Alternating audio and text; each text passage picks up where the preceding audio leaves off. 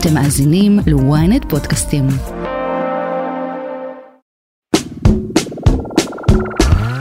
היי, ברוכים הבאים לרפרש, פודקאסט הטכנולוגיה של ynet. אני אשרית גנאל. ואני יובל מן.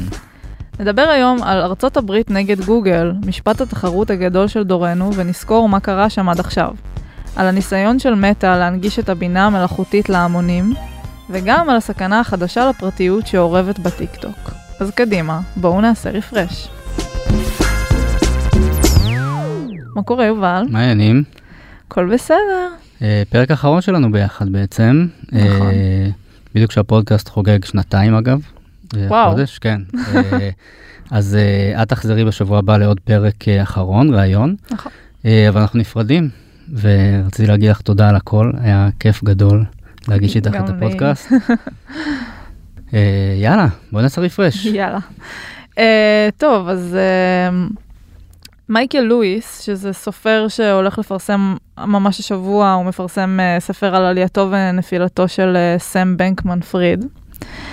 Uh, אז הוא אמר משהו מעניין על uh, בנקמן פריד. אוקיי. לדבריו, אה, לא תהיה לו בעיה גדולה, זאת אומרת, תהיה לו בעיה גדולה בכלא, אבל הבעיה היא לא הכלא עצמו, אלא זה שלא יהיה לו חיבור לאינטרנט. אמ, אומר שאם היה לו חיבור לאינטרנט, הוא היה מעדיף בקלות להיות בכלא בברוקלין, מאשר בפנטהאוז של ה-39 מיליארד דולר בבאמאס. וואלה. שאלה מעניינת, לא? אם עדיף להיות בכלא או להיות בלי אינטרנט? כן. וואו, שאלה קשה. אני חושבת שזה ממש כזה דילמה של אה, דורנו. כן, האמת שהיום בלי אינטרנט אה, קשה להסתדר.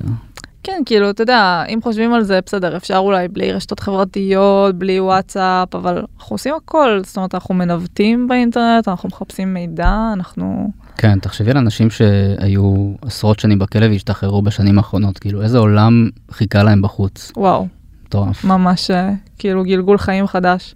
זה מזכיר לי ששמעתי פעם פודקאסט על uh, מישהי שאמרה שהיא ויתרה על הסמארטפון, ואז שאלו אותה איך היא מסתדרת, אז היא אמרה שכשהיא צריכה להזמין אובר או כל מיני דברים כאלה, היא מבקשת מחברים להזמין.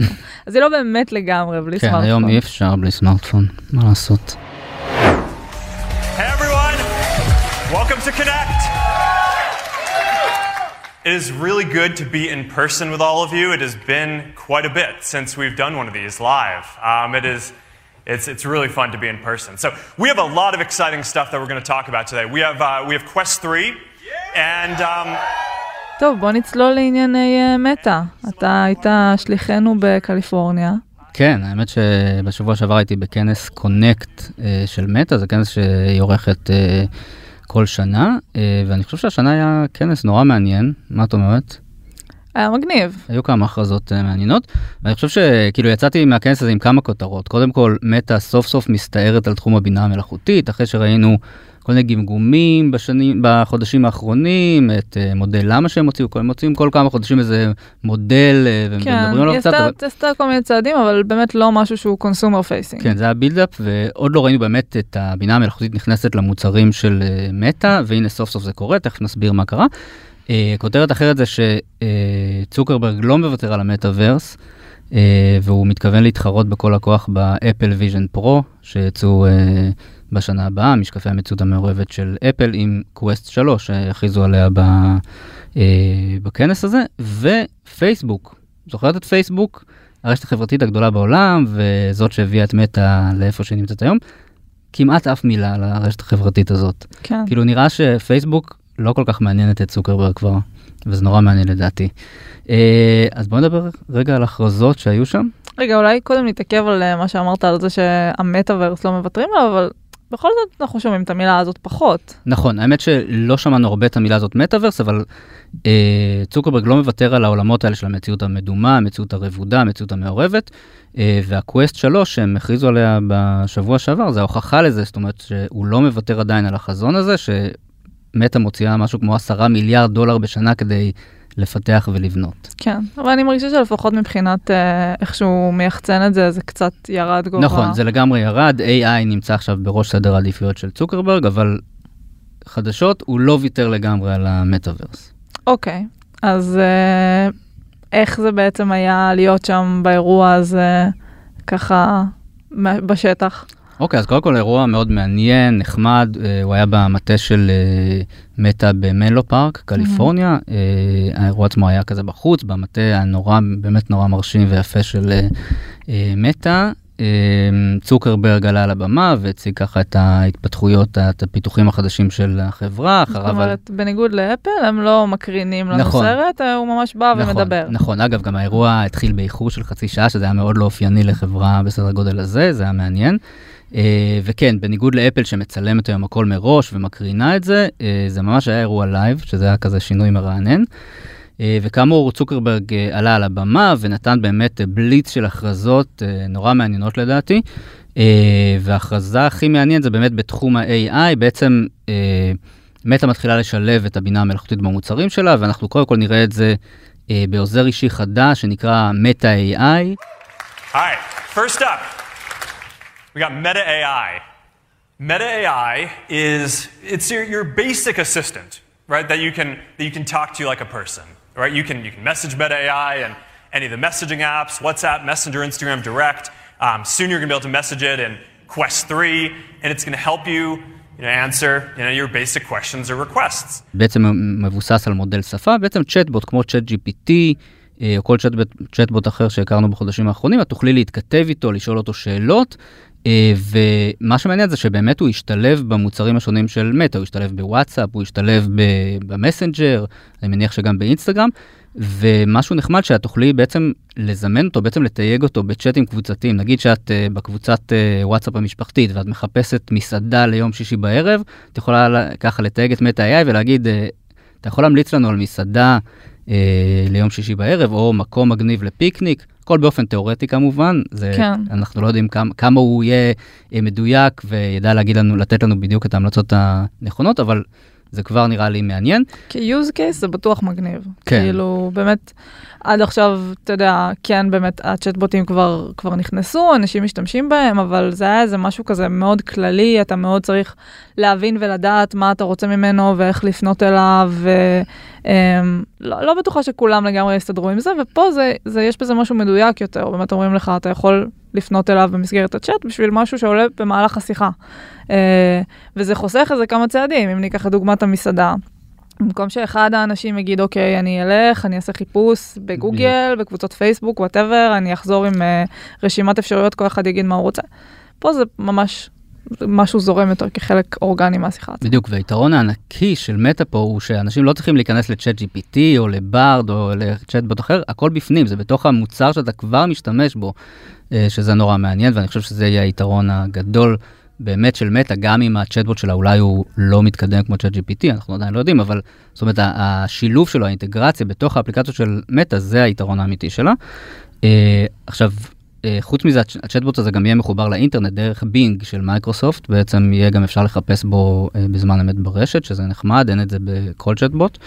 אה, ולצד זה, אה, לא פחות מעניין, בעצם מטא משיקה 28 צ'טבוטים שונים עם אישיות וידע בתחומים ספציפיים. אה, זה משהו שהוא אמור להיות יותר מבדר, יותר כיפי.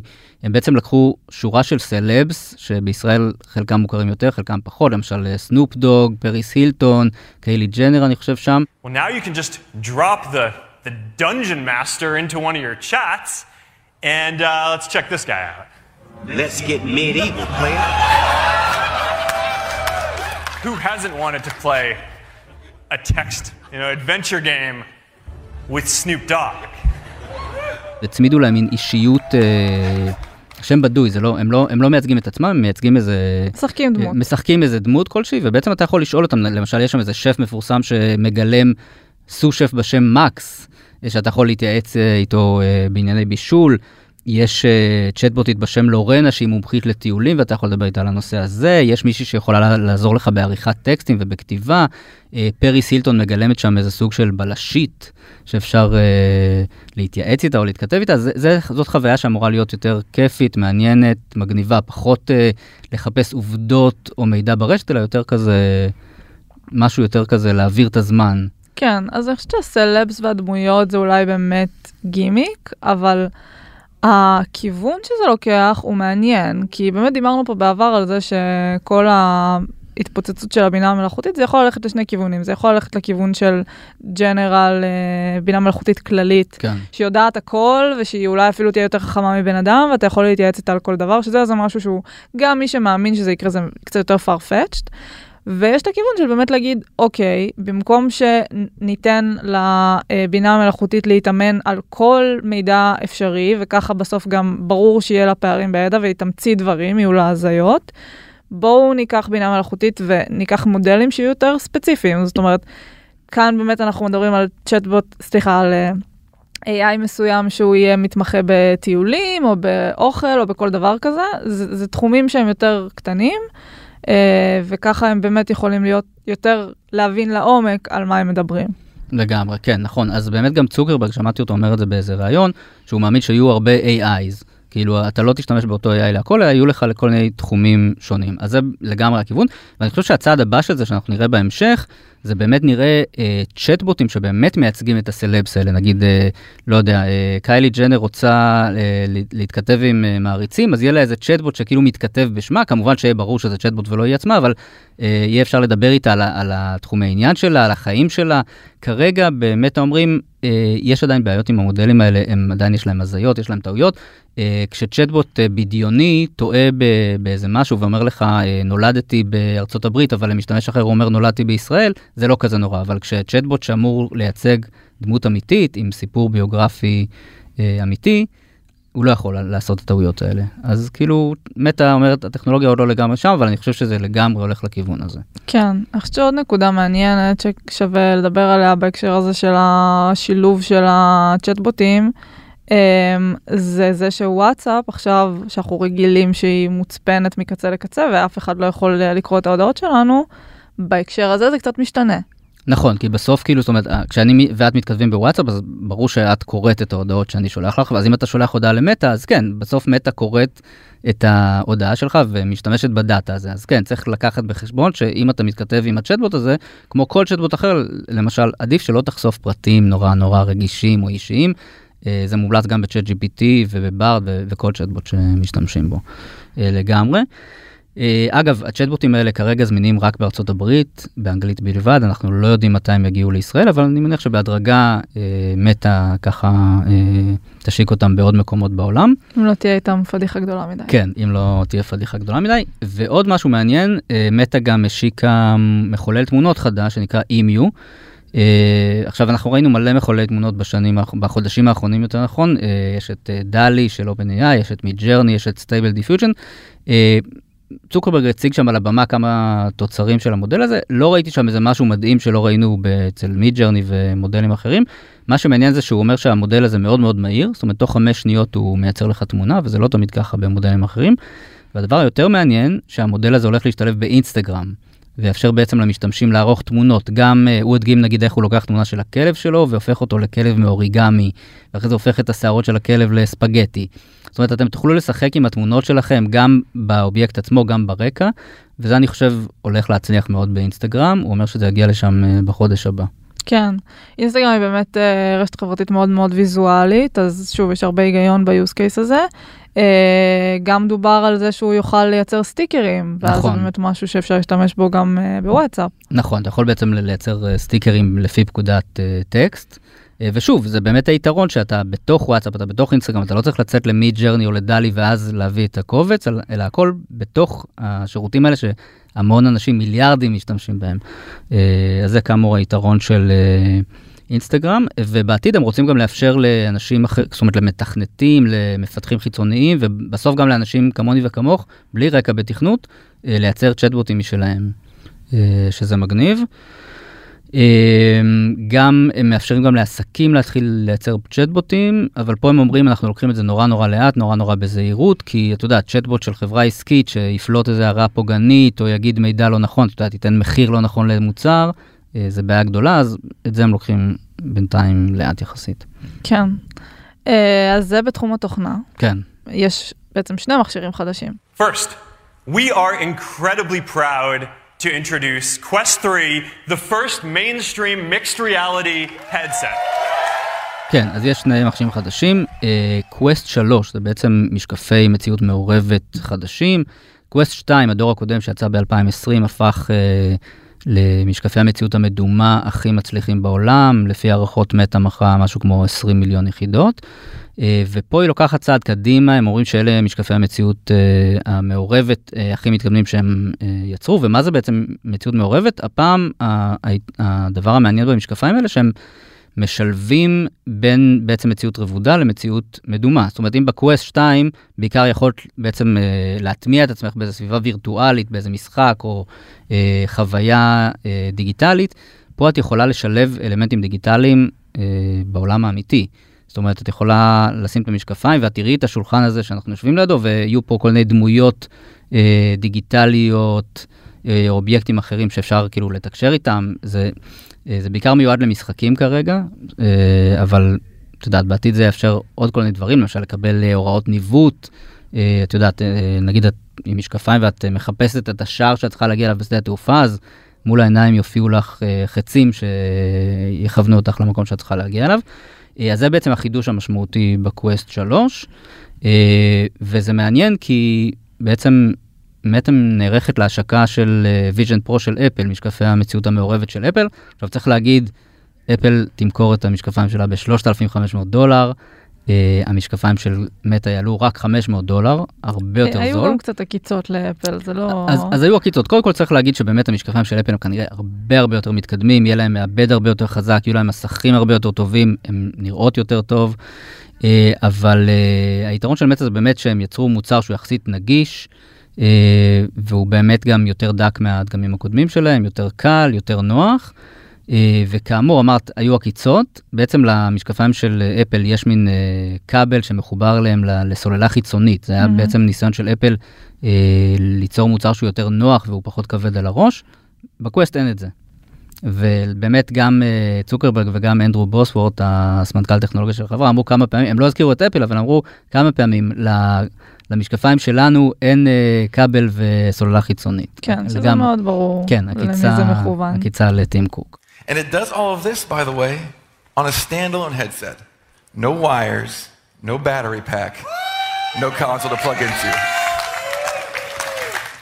אז באמת הם משווקים את זה בעיקר כמוצר לגיימינג, ופה זה באמת מעניין, כי צוקרברג כל הזמן מדבר על זה שהמטאוורס הוא לא יהיה רק לגיימינג, זה גם ל- אה, עבודה. לעבודה, ל- מפגשים ל- חברתיים. מפגשים חברתיים, לעסקים, אבל הם מבינים שכרגע באמת הקהל היעד העיקרי זה גיימרים, אה, והם מדברים על המון משחקים שיגיעו בזמן הקרוב אה, למשקפיים האלה. מצד שני, הם כן מדברים על זה שזה יהיה איזה מכשיר בידור ביתי, אתה תוכל בעצם במשקפיים לייצר מין מסכים וירטואליים ולצפות בהם בטלוויזיה, אתה תוכל לראות אה, משחקי ספורט אה, מכל מיני זוויות. אה, גם עסקים, אתה תוכל לעבוד אה, בכל מיני, על כל מיני יישומים של מייקרוסופט, אני לא יודע למה כל כך צריך את זה, מי רוצה לעבוד על יישומים של מייקרוסופט כמו וורד או אקסל במשקפי מציאות מדומה, אבל סבבה, אה, זה אפשרי. בעצם, הרי בשנה שעברה הם השיקו את ה Quest Pro, שנועדו בעיקר לשימוש ארגוני, וזה נכשל אה, די כישלון חרוץ. אה, אז זה הקווסט 3, והיה עוד מוצר מעניין, רייבן מטה סמארט גלאסס. So that brings me to the last thing that I want to show you today, which is the next generation of Ray-Ban Meta smart glasses. Now these are designed um, so you can stay in the moment and stay connected without having to take your phone out. You can capture what's going on around you. You can share with your friends um, in the world. בעצם זה דור שני של הרייבן סטוריז שמטה השיקה ב-2021, זה משקפיים, משקפי רייבן אה, בעיצוב רגיל של משקפי שמש או משקפי ראייה, שבעצם אה, מחוברים אליהם, אה, יש עליהם גם מצלמה, יש להם רמקולים, אפשר לצלם איתם וידאו, זאת אומרת, מה שמגניב זה שאתה יכול לצלם וידאו מזווית הראייה של, ה... מזווית הראייה של המשתמש עצמו.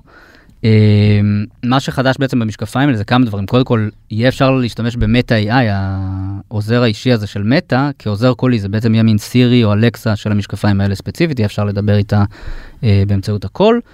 אה, וגם יהיה אפשר להעביר שידור חי ישירות מהמשקפיים לאינסטגרם או פייסבוק, שזה אני חושב די מגניב, ולכן אני חושב שהמשקפיים האלה הם אגב יעלו 300 דולר. אה, אני חושב שהם בעיקר מיועדים כרגע ליוצרי תוכן, אנשים כזה ש... לא יודע, אה, מישהו שמעלה מתכונים לאינסטגרם ויכול עכשיו לצלם מזווית הראייה שלו את השי שלו, או מישהו שבונה דברים ויכול לצלם uh, מהזווית הזאת, אז אני חושב שזה מתאים בעיקר לאנשים כאלה כרגע. עוד תכונה אומרים שתגיע בקרוב, והיא גם מעניינת לדעתי, זה uh, בעצם המשקפיים יוכלו להסתכל, זאת אומרת לראות את הדברים שאתה רואה ולתת לך הקשר לגביהם. נגיד אם אתה מסתכל עכשיו על תפריט של מסעדה בשפה שאתה לא מכיר, הם יוכלו לתרגם.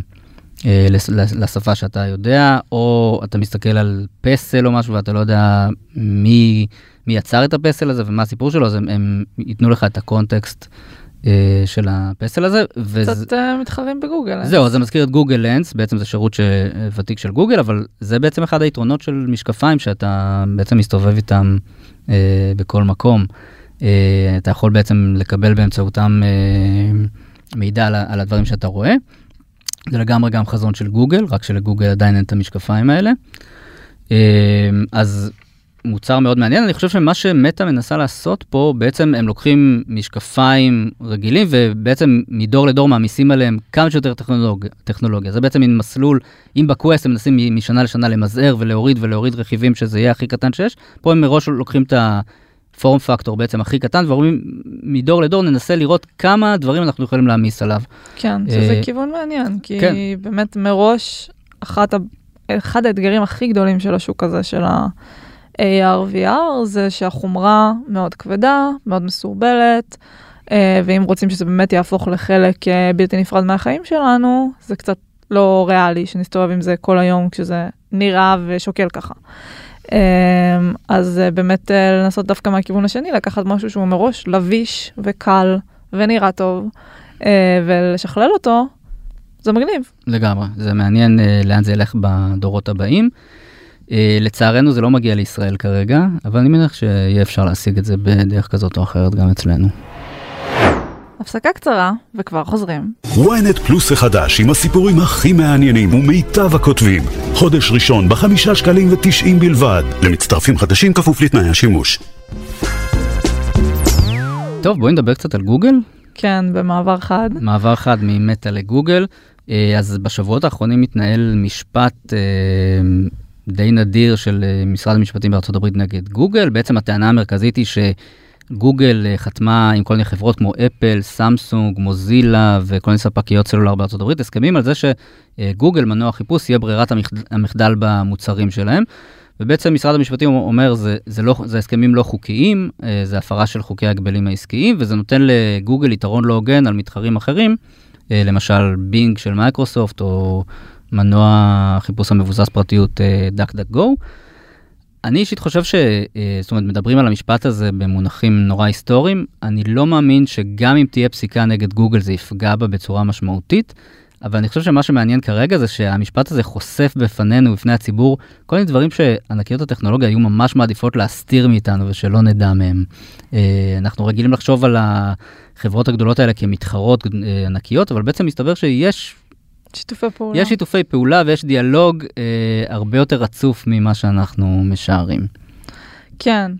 אה, לגבי הפגיעה האפשרית בגוגל, אני חושבת שיכול להיות שלא נראה את הפגיעה הזאת מיד, אבל אה, אולי בטווח הארוך זה כן אה, ישנה משהו. אין ספק שזה משפט מאוד מעניין, יש פה הרבה אתגרים. קודם כל, עצם זה שגוגל הוא מוצר חינמי. כן. מנוע החיפוש הזה הוא חינמי. אה, אז אה, אי אפשר להגיד, יש פה פגיעה בתחרות, כי הצרכן נדרש לשלם יותר, שזה בדרך כלל מה שקורה כשיש לנו מונופול קלאסי נגיד. כן. אה, ופה זה בעצם איזשהו טיעון קצת אחר. משרד המשפטים באמת מנסה להגיד שזה פוגע בחדשנות בין היתר, שלמשל גוגל, בגלל שיש לה נתח שוק כל כך גדול, לטענתם בין היתר כתוצאה מההסכמים האלה, אז uh, היא לא, בעצם אין לה אינסנטיב לחדש, ואז דברים כמו הפרטיות של המשתמשים זה משהו שאולי נפגע יותר, כי המשתמשים גם ככה הולכים לשם ולא לוקחים את זה בחשבון. Uh, באמת אנחנו ראינו מצעד של uh, עדים מאוד uh, בפרופיל גבוה מאז שהמשפט הזה התחיל. המשפט הזה בסך הכל הולך להימשך כנראה עשרה שבועות, אנחנו בשלב uh, יחסית מוקדם שלו. בשבוע השלישי אני חושב. כן. אבל כבר ראינו את uh, סטיה נדלה, שהוא מנכ"ל מייקרוסופט. כן, העיד אתמול. ואדי קיו, שהוא בכיר באפל, אחראי על uh, תחום השירותים באפל. נתחיל אולי עם העדות של אה, נדלה? Microsoft CEO Satya Nadella today testifying in Google's antitrust trial, explaining why it's so hard to compete against Google. Yeah, Kelly, look, his testimony has been helpful for the U.S. government's side, which is arguing that Google is a monopoly. Nadella here talking about just how important those defaults are, like the default. כן, נדלה בעצם אה, התייצב בבית המשפט והוא אה, התלונן בעצם על זה שהדומיננטיות של אפל בעצם גורמת לאיזה מעגל אכזרי שבו... אה, של גוגל. של גוגל, סליחה, לא של אפל, שהדומיננטיות של גוגל בעצם גורמת לאיזה מעגל אכזרי שבו אה, היא נהנית מהפופולריות שלה ומשתמשת בזה כדי לקבל עוד דאטה. אה, ו- וככה יש לה יותר רווחים, ואז היא ממשיכה לבסס את המעמד שלה אה, בתחום הזה של החיפוש. זאת אומרת, והוא אומר שלחברות אה, אחרות, כמו מייקרוסופט שיש לה את בינג, מאוד קשה בעצם להשיג נתח שוק במציאות הזאת.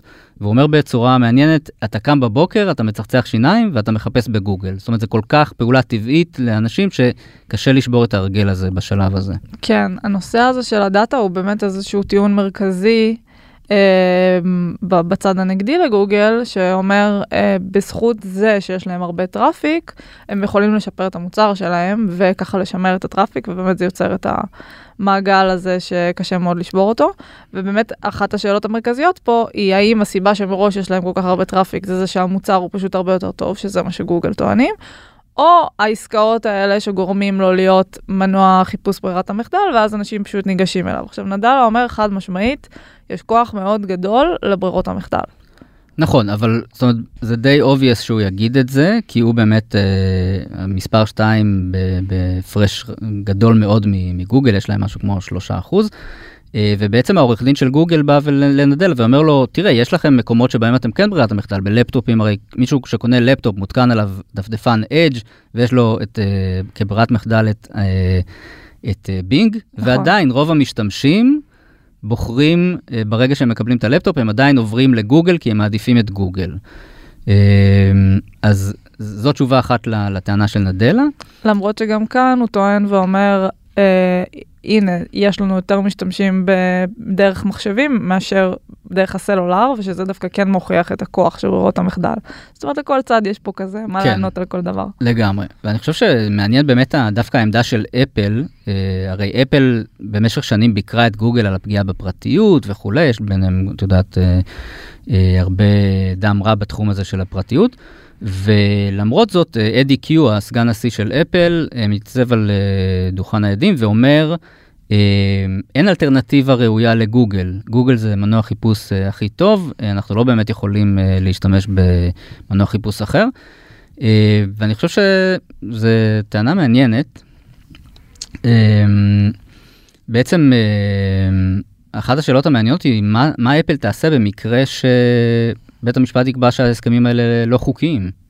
זאת אומרת, האם אפל תמשיך לתת למשתמשים של האייפון והאייפד והמק את uh, גוגל כמנוע חיפוש uh, ברירת המחדל, האם היא תעבור לבינג, או שהיא תחליט לפתח מנוע חיפוש משלה. או שהיא תיתן להם לבחור. זהו, אז, אז אני חושב שהדבר שה, ההגיוני שיקרה זה, הרי אנחנו יודעים שלאפל יש כבר את התשתית לפתח מנוע חיפוש משלה, זה כבר דווח על זה לפני שנים, גם השבוע בבלומברג דווח ש, יש, שהם עובדים על זה באופן פנימי, ויש להם כבר אה, מנגנון חיפוש די מתקדם לפנימי לאפליקציות של אפל. אני מאמין שאם בית המשפט יפסוק שהמשפטים, שההסכמים האלה של גוגל לא חוקיים, ובעצם ימנע מאפל מקור הכנסה משמעותי, אני חושב שלפי אחת ההערכות, רק השנה היא הרוויחה 19 מיליארד דולר אה, מההסכם הזה עם גוגל. אה, אני חושב שאפל תגיד, אוקיי, זה... למה שניתן למישהו בחינם אה, את הגישה למשתמשים שלנו? למה שאנחנו לא נרוויח מהפרסומות במנוע חיפוש, והם ילכו עד הסוף וישיקו מנוע חיפוש משלהם? כן, אז באמת אחת הטענות של Q הייתה שבאמת גוגל זה המוצר הטוב ביותר, וכשבאמת הוא נשאל למה בעצם בתהל... בתהליך של ה setup, כשהם קונים טלפון חדש וצריכים להתקין אותו לפני שהוא יכול להתחיל אה, לעבוד, אז יש שם כמה דברים שאפל מאפשרת בחירה למשתמשים, איך הם רוצים להגדיר את זה. נשאל על ידי מחלקת המשפטים של ארה"ב, למה אחת השאלות האלה היא לא מה המנוע חיפוש שאתם מעדיפים, ואז הוא אמר, זה סתם יהיה חוסר נוחות. אה, אנחנו רוצים שהתהליך הזה יהיה כמה שיותר מהיר, וזאת שאלה מיותרת מבחינתנו, כי ברור שהמשתמשים אה, יבחרו בגוגל, וזה סתם להראות להם עוד כמה אופציות שהם לא מכירים בכלל. כן, כן, זה קצת היתממות, כי באמת אפל מרוויחה המון המון מיליארדי דולרים בשנה מההסכם הזה. זה הכסף הכי קל שאפל עשתה אי פעם, זאת אומרת, זה שורת קוד קטנה וזהו. כאילו, הם, הם לא צריכים להתאמץ בכלל. אה, בעצם, מה שקורה זה שהם מקבלים נתח מסוים מההכנסות של גוגל מפרסומות, על, על זה שמשתמשי אפל נכנסים לגוגל ועושים חיפושים. וזה המון כסף, הרי אם היא עכשיו תעבור לבינג, אה, הרבה, היא תרוויח מזה הרבה פחות כסף. אה, אז אין לה, אין לה כל כך אינטרס לעבוד עם, אה, עם אה, מנועי חיפוש אחרים, וגם מייקרוסופט בעצמם, גם נדלה וגם בכירים אחרים שהעידו במשפט, אומרים ניסינו, ניסינו לשכנע את אפל שבינג יהיה מנוע, אה, מנוע חיפוש ברירת המחדל במכשירי אפל, וזה לא קרה. כן, אה, נדלה אפילו אמר שהוא מוכן בהתחלה להפסיד על זה 15 מיליארד בשנה, כי יש לזה כוח כל כך עצום, אז רק שעד שזה יתחיל לעבוד בשבילם, הוא מוכן גם אה, להפסיד על זה כסף. נכון, מסתבר גם שב-2020 אה, מייקרוסופט ממש הציע לאפל לקנות את בינג, בתקווה שבינג ככה יהפוך למנוע ברירת המחדל באפל, אבל זה פשוט לא קרה. עוד שאלה מעניינת באמת זה כל הנושא של האם הבינה המלאכותית הגנרטיבית, כל הטרנד הזה עכשיו זה משהו שהולך להפוך את כל הנושא הזה של המנועי החיפוש הקלאסיים לקצת פחות רלוונטיים, ואת כל המשפט הזה לקצת פחות בוער ורלוונטי. זה משהו שנדלה גם נשאל עליו אה, ב- בעדות שלו, ובאמת אה, הוא נשאל על השיתוף פעולה בין בינג ו-OpenAI, שמשנה בכלל את כל אופן הפעולה של בינג וכולי. אה, הוא, הוא קצת סייג את זה, הוא אמר שההשפעה היא באמת אה, פחות גדולה ממה שאנשים חושבים. מצד שני, הוא אמר שגם כאן הפחד מזה שהבינה המלאכותית הגנרטיבית כל כך תופסת תאוצה, ושבעצם אה, מוציאים לאור, מפחדים שהמודלים אה, של בינה מלאכותית יסרקו את האתרים שלהם ויקחו מהם דאטה וכולי, זה יכול להוביל לזה שפתאום הם לא יאשרו את הסריקה הזאת והם יחתמו הסכמים בלעדיים עם, גוג, עם גוגל. ככה שכל הטרנד הזה עשוי לחזק את גוגל אפילו יותר מהיום. זה מעניין. זה מעניין, אני חושב שנדלה, הרי כשהם אה, הוסיפו את אה, הצ'טבוט הזה לבינג, הוא אמר, אה, הם בעצם הקדימו את גוגל, ובאחד הראיונות סאטיה נדלה אמר, אני רוצה שאנשים ידעו שגרמנו לגוגל לרקוד. כן. זאת אומרת, כן. הם גרמו לגוגל להתאמץ. אז הוא סייג מאוד את ההערה הזאת עכשיו. כן, אז באמת ראינו, אה, ראינו שבאמת גוגל רקדה. ראינו באמת את גוגל נאבקת כדי להקדים את ההכרזות שלה, שהיו לפני ההכרזות של מייקרוסופט, ראינו שם באמת איזה מאבק נורא מעניין בשתי החברות האלה.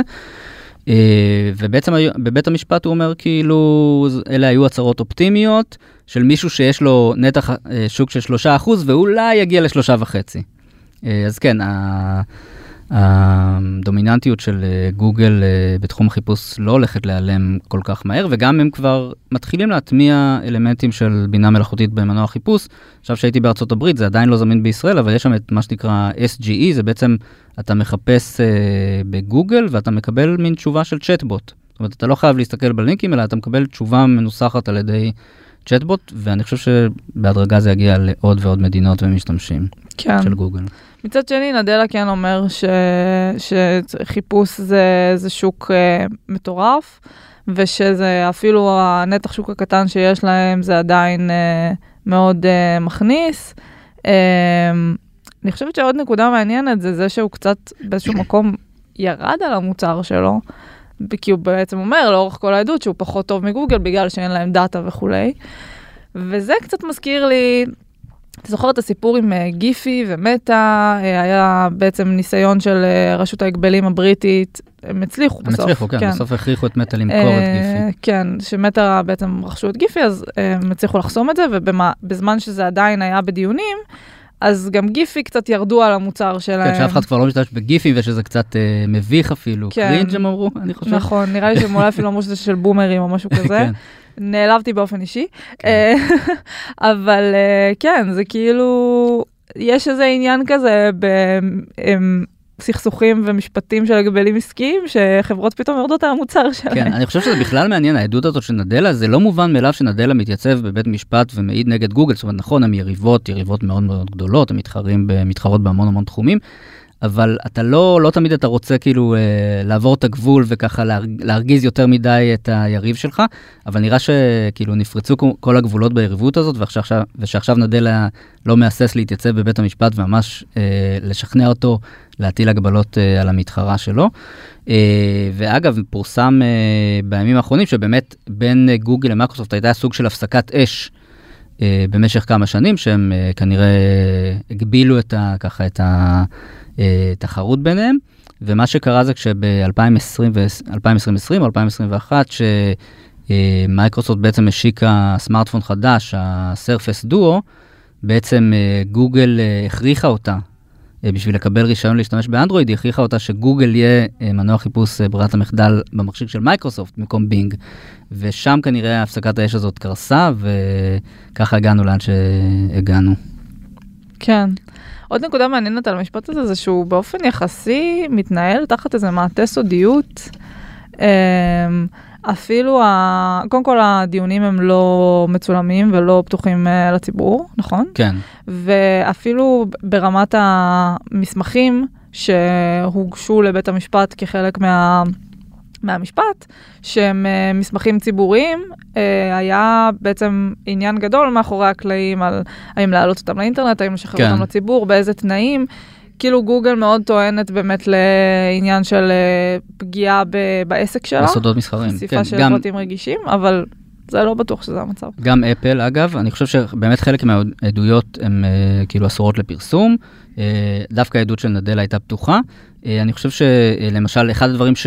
לא, לא קיבלנו נתון רשמי לגביו, זה כמה, כמה כסף אפל מרוויחה אה, מגוגל, כמה היא מקבלת מגוגל בכל שנה.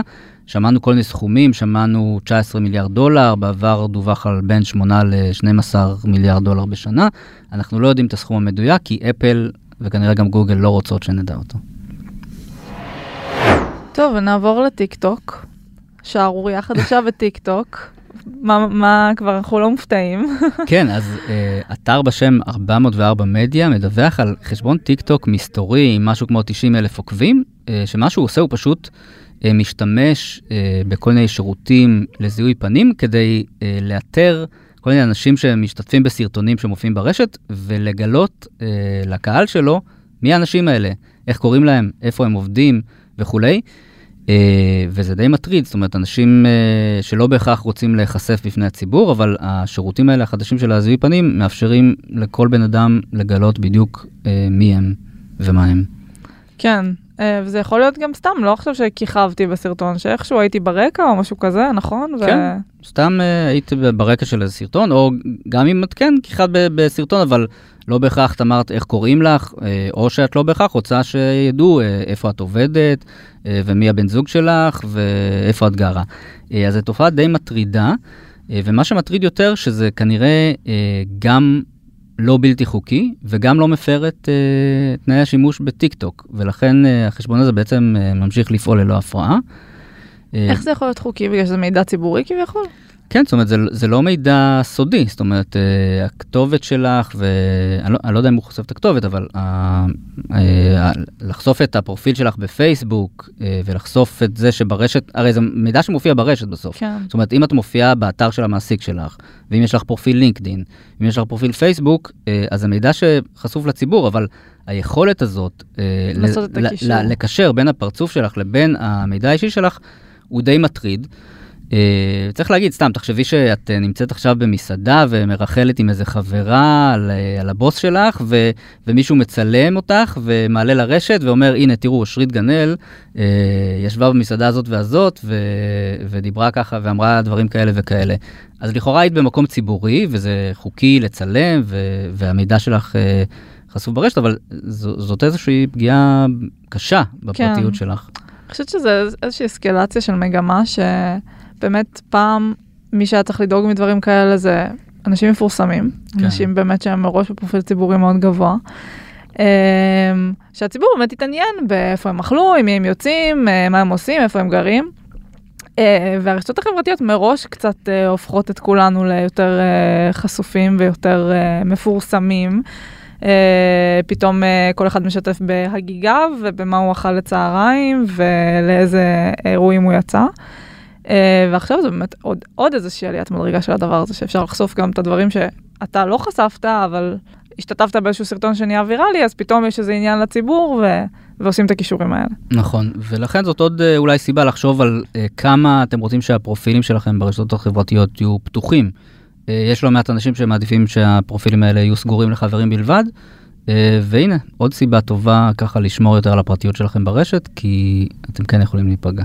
ואני גם חושבת שזה מראה באמת על הצורך לנסח איזה שהם כללי אתיקה חדשים לתקופה הזאת שאנחנו חיים בה ולמאפיינים שלה, גם ברמת החוק, מה שאמרת קודם, יכול להיות שזה בכלל אה, חוקי, אולי, אולי החוקים צריכים להשתנות, אבל גם ברמת ה... בין בני אדם, מה אתי ומה נחשב מקובל בחברה. לגמרי. עד כאן רפרש להפעם. כדי להזין לפרקים הבאים שלנו, עקבו אחרינו בוויינט, בספוטיפיי, או איפה שאתם שומעים פודקאסטים. דרגו אותנו באפל פודקאסט ובספוטיפיי, ותשלחו את הפרק לחברים שחייבים לעשות רפרש. נשמח לראות אתכם גם בקהילת רפרש בפייסבוק. עורך הפודקאסטים שלנו הוא גיא סלם. על הסאונד, נדב ברכה. תודה לאושרית גנאל שתהיה כאן בשבוע הבא בפעם האחרונה. אני יובל מן, להתראות.